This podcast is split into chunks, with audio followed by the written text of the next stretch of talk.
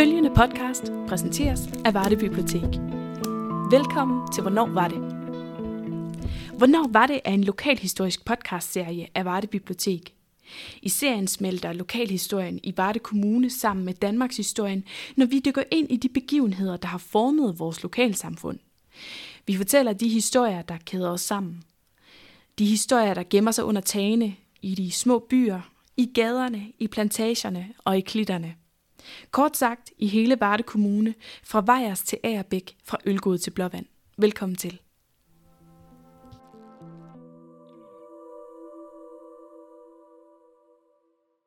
Efter hurraråbene er der en underlig stemning.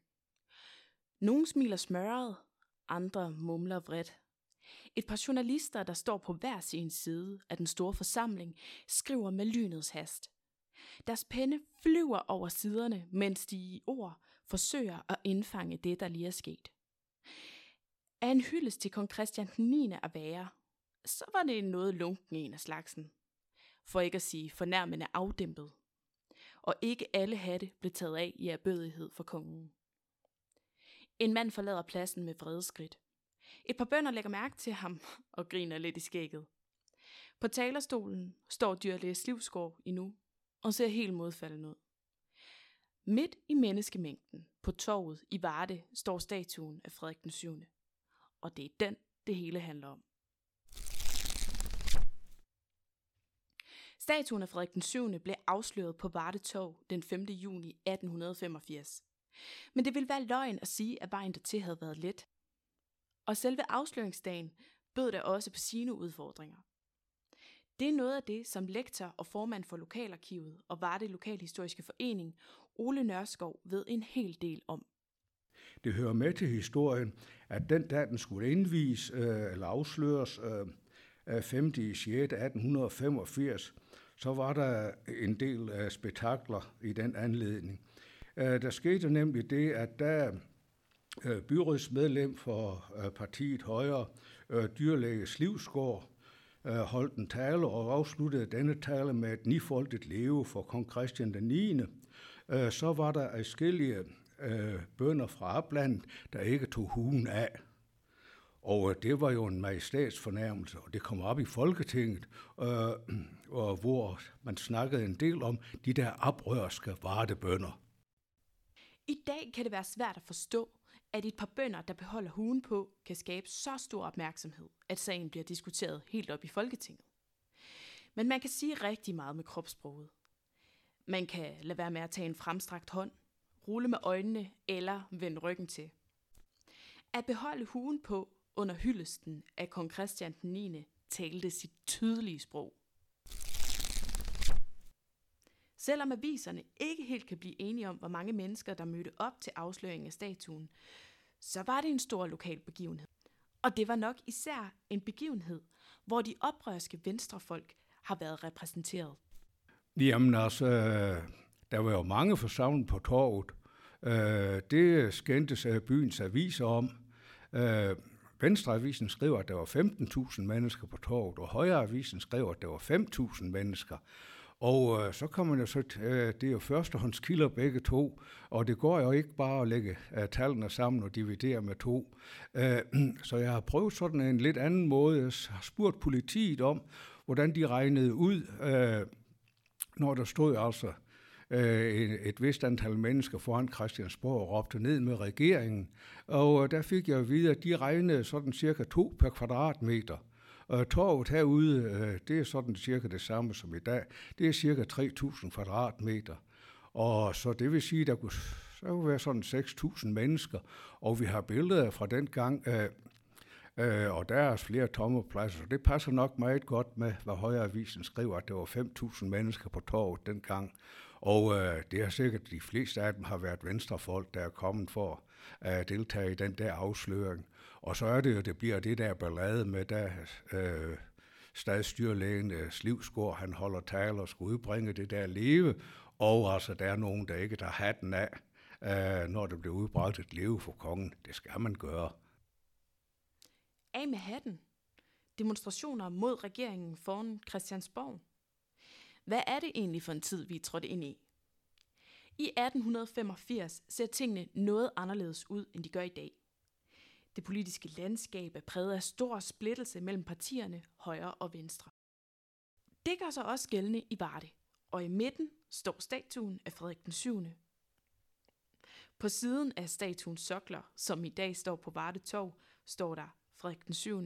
grundlovens giver og folkets kærlighed, min styrke. Så nu skal vi lige have styr på den danske kongerække. For hvem var Frederik den 7. Han var selvfølgelig mange ting. Han var en udsvævende mand med to forliste ægteskaber og en tredje kone, dog til venstre hånd, og som derfor aldrig ville kunne kræve retten til at blive dronning. Du kender hende måske som grevinde Danner. Men Frederik den 7 var også den sidste enevældige konge af Danmark. Han underskrev nemlig Danmarks Riges Grundlov af 5. juni 1849, eller som den også er kendt, Junigrundloven. Og det fejrer vi hvert år på Grundlovsdag. Afsløringen af statuen af Frederik den 7. skabte debat hele vejen op i Folketinget. Men faktisk var der konflikter om statuen allerede inden da. Her var det nemlig placeringen af den, der skabte stor diskussion i byrådet.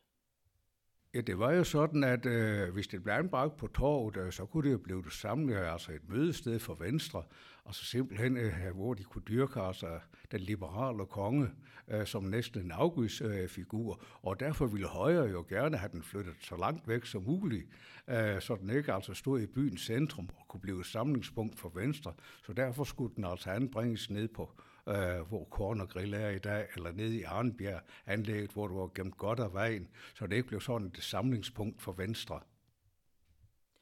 For virkelig at forstå konflikten mellem højre og venstre, og hvorfor en statue kunne skabe konflikter i byrådet her i Varde, så er vi nødt til at se lidt nærmere på samfundet i Danmark i 1885, og hvordan det var bygget op. Kong Frederik den 7. underskrev som sagt juni-grundloven i 1849, og sikrede en del af befolkningen valgret. For tiden var det et stort skridt i retningen mod et mere demokratisk samfund, men det er bestemt ikke demokrati, som vi kender det i dag. Valgmåden er lidt indviklet, men det korte af det lange er, at Rigsdagen, Danmarks lovgivende forsamling, blev udgjort af et tokammersystem, hvor overhuset blev befolket af landstinget og underhuset af Folketinget. For Folketinget galt det, at stemmeret og valgret blev tildelt mænd, der var uberygtede, havde indfødsret og var fyldt 30 år. Det var altså kun ca. 15 procent af befolkningen, der havde en stemme at gøre godt med. De fem F'er, fruentimmer, forbrydere, fjolser, fattige og folkehold, altså tjenestefolk, var blandt dem, der slet ikke havde valgret.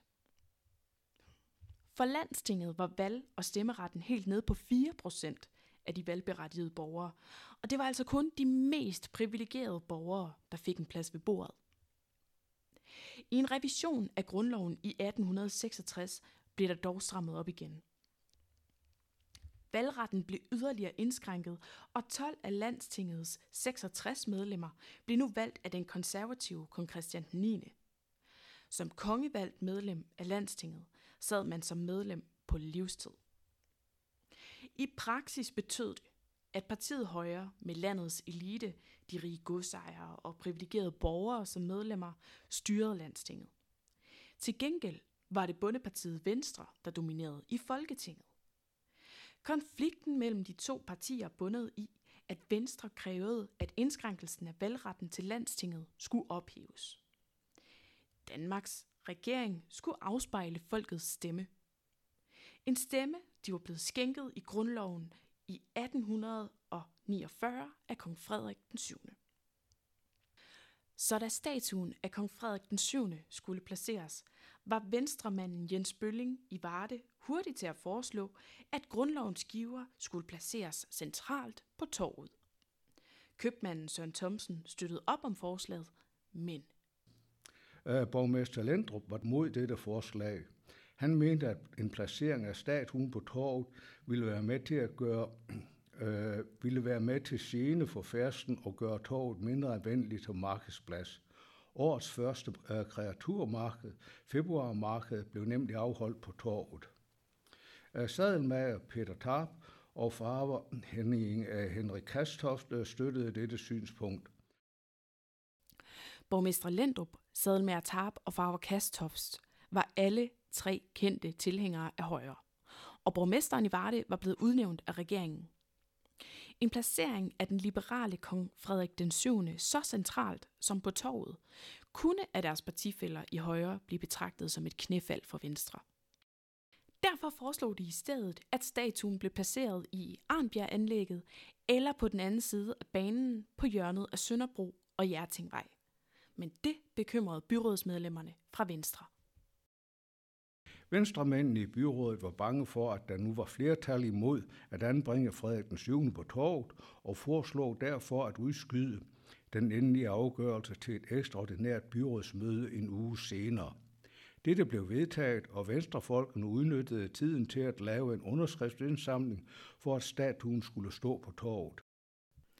Venstremændene har været effektive, for de fik samlet hele 375 underskrifter i løbet af ugen op til det ekstraordinære byrådsmøde. Faktisk havde de også flere prominente højremænd til at underskrive. Og ud af de ca. 650 mænd, der havde valgret i Varde på det pågældende tidspunkt, var 375 jo over halvdelen af alle med valgret. Trods forbehold og krumspring endte det med at blive enstemmigt vedtaget i byrådet, at statuen af kong Frederik den 7. skulle stå på torvet i Varde. Den endte med at blive placeret et stykke øst for indgangsdøren i kirkens sydlige arm, altså næsten lige midt på den vej, der i dag fører fra kirkepladsen og ned over torvet. Men selvom det måske lyder som om, at det gik let nok med at blive enige om placeringen, så har stemningen i byrådet nok ikke ligefrem været god i perioden omkring beslutningen.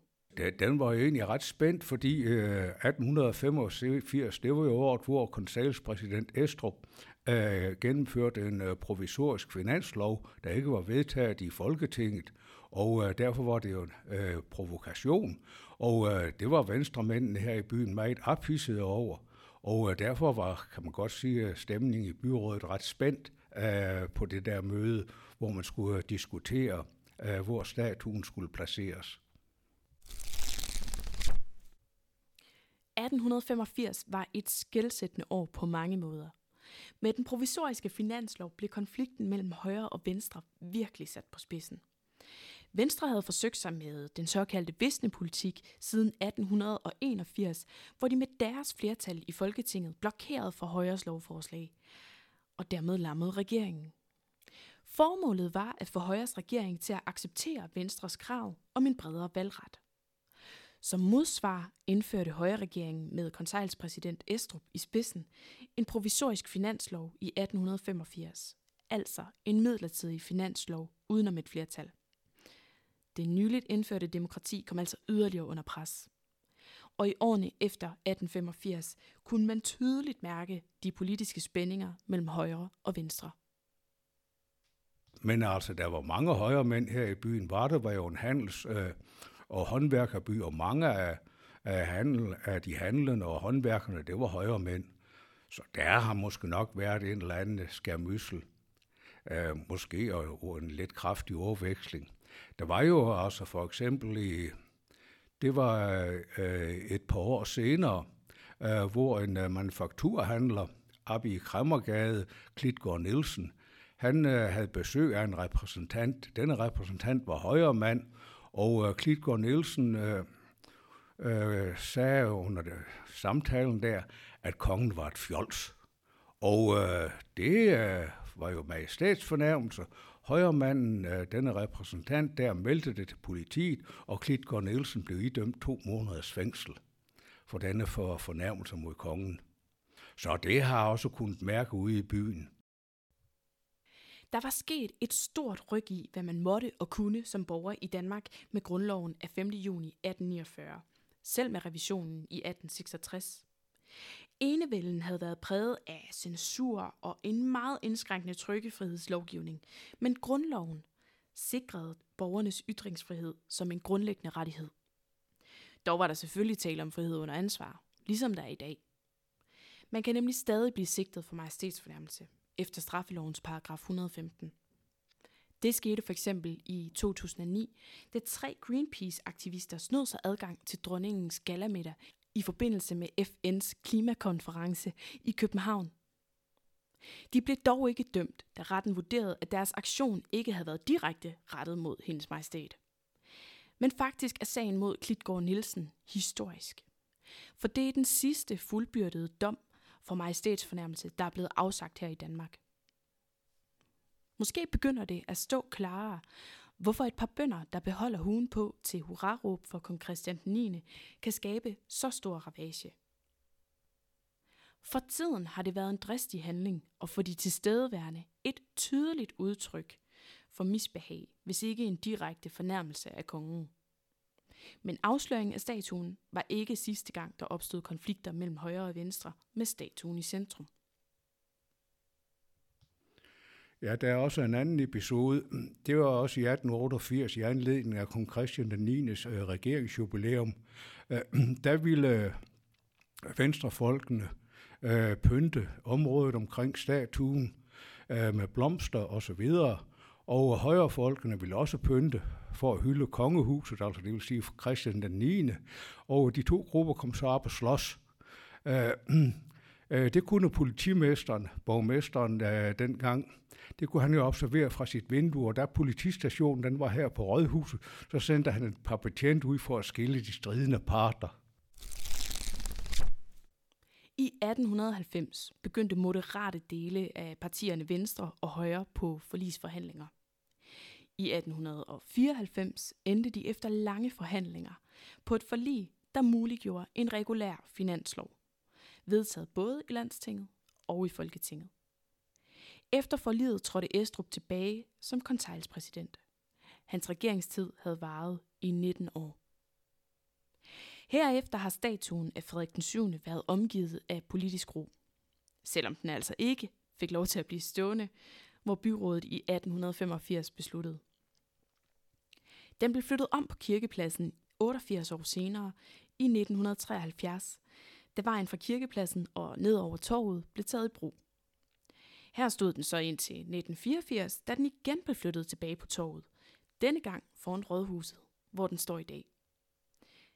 Men hvad betyder den så for os i dag?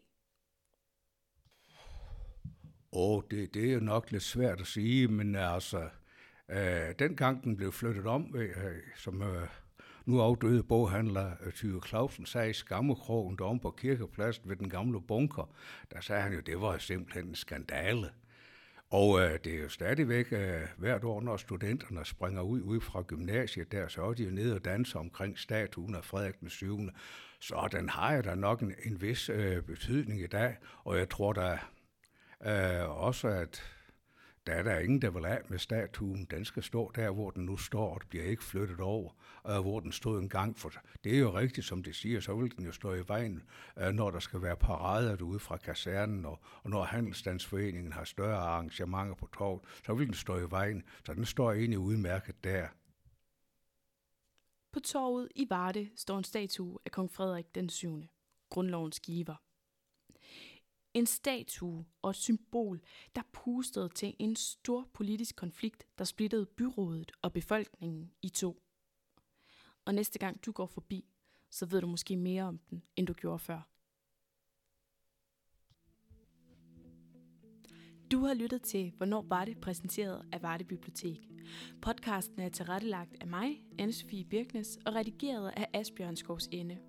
Musikken i podcasten er skrevet og indspillet af de dygtige talentelever fra Varde Musik- og Billedskole, Peter Schmidt, Sigurd Nilling, Liv T. Hansen og Sofie Lønborg. Stor tak til Ole Nørskov og Varde Lokalhistoriske Arkiv for at fortælle historien om statuen af Frederik den 7. Hvis du vil vide mere om, hvornår var det, eller bibliotekets andre tilbud, så kan du se mere på vores hjemmeside www.vardebib.dk. Blandt andet kan du altid finde kataloget over bibliotekets mange arrangementer og tilbud online, eller finde inspiration til spændende læseoplevelser. Du kan også følge Varde Bibliotek på facebook.com-vardebib. Vi opdaterer løbende om alle de mange spændende aktiviteter i Varde Kommunes biblioteker, og det er blandt andet også her, du kan følge med i, hvornår det næste afsnit af podcasten udkommer. Hvis du vil hjælpe andre til at finde podcasten, så giv gerne, hvornår var det, stjerner eller anmeldelser på iTunes, eller hvor du ellers lytter til podcasts. Har du ris, ros eller idéer til lokale historier, du gerne vil høre mere om, så kan du altid skrive til mig på abia Så vender jeg tilbage til dig. Tak fordi du lyttede med.